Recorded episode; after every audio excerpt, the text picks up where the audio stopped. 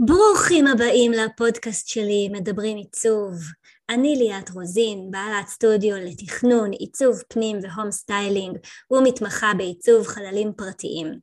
בתהליך העיצוב שלי אני מלווה אתכם בדרך אל הבית המושלם עבורכם, ועל הדרך גם מגשימה חלומות. היום נדבר על משהו שאני מאוד אוהבת, הלא הוא לוחות השראה.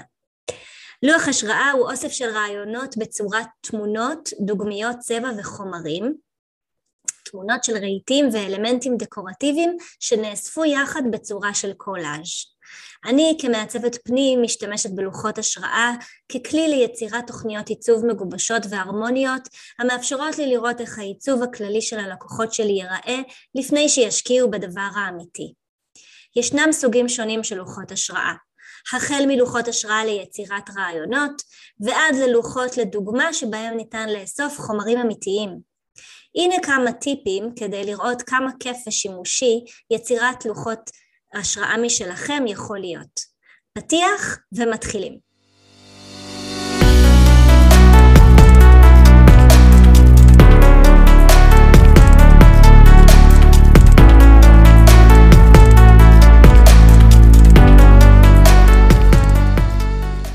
מה זה בעצם לוח השראה? לוח השראה, או בשמו השני גיליון אווירה, קיים בכל נושא כמעט. תכנון אירועים כמו חתונה, בת מצווה, ימי הולדת, מיתוג עסקי, עיצוב הבית, סטיילינג וכדומה. לוחות השראה כשמם כן הם, הם אמורים לייצר השראה.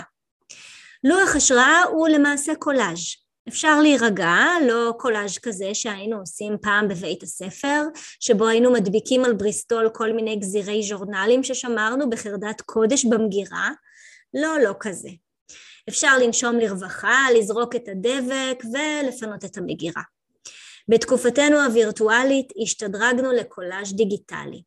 קולאז' כזה שלא צובר אבק וכזה שהאצבעות לא נדבקות כשמכינים אותו. המלצתי הראשונה היא חישבו מחוץ לקופסה עם לוח השראה. מעצבים מחדש חדר בבית ולא בטוחים מאיפה להתחיל? תשתמשו בלוח השראה כדי להזרים את היצירתיות שלכם. בשלב זה אל תדאגו יותר מדי לגבי התוצאה הסופית.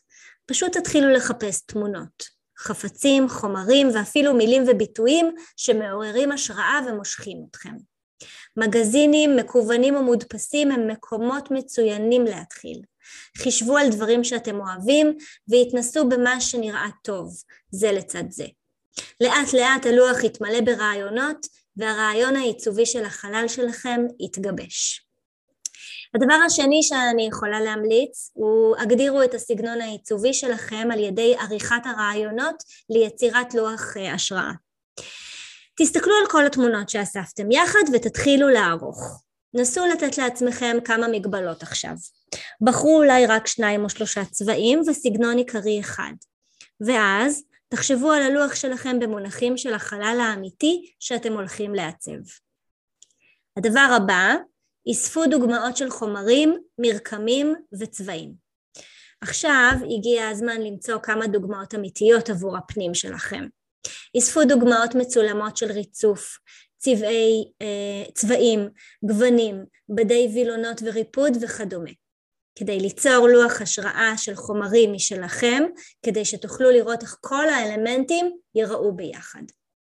הדבר האחרון שאני יכולה להמליץ עליו הוא לקבל החלטות סופיות לגבי רהיטים ומיקומים עם תוכנית החלל. כעת לאחר שהחלטתם על המראה והסגנון הכללי של החלל שלכם, אתם יכולים להתחיל לבחור את הרהיטים שלכם ולחשוב כיצד ניתן לסדר אותם.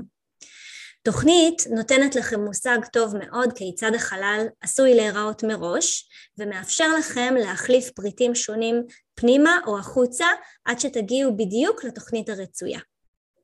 זהו להפעם. אם אהבתם את הפרק, ספרו עליו לחברים ומשפחה, או כל אחד אחר שישמח לשמוע קצת על עיצוב. אתם מוזמנים לבוא ולבקר אותי באתר האינטרנט או בדף האינסטגרם שלי, ואפילו לקבוע פגישת ייעוץ.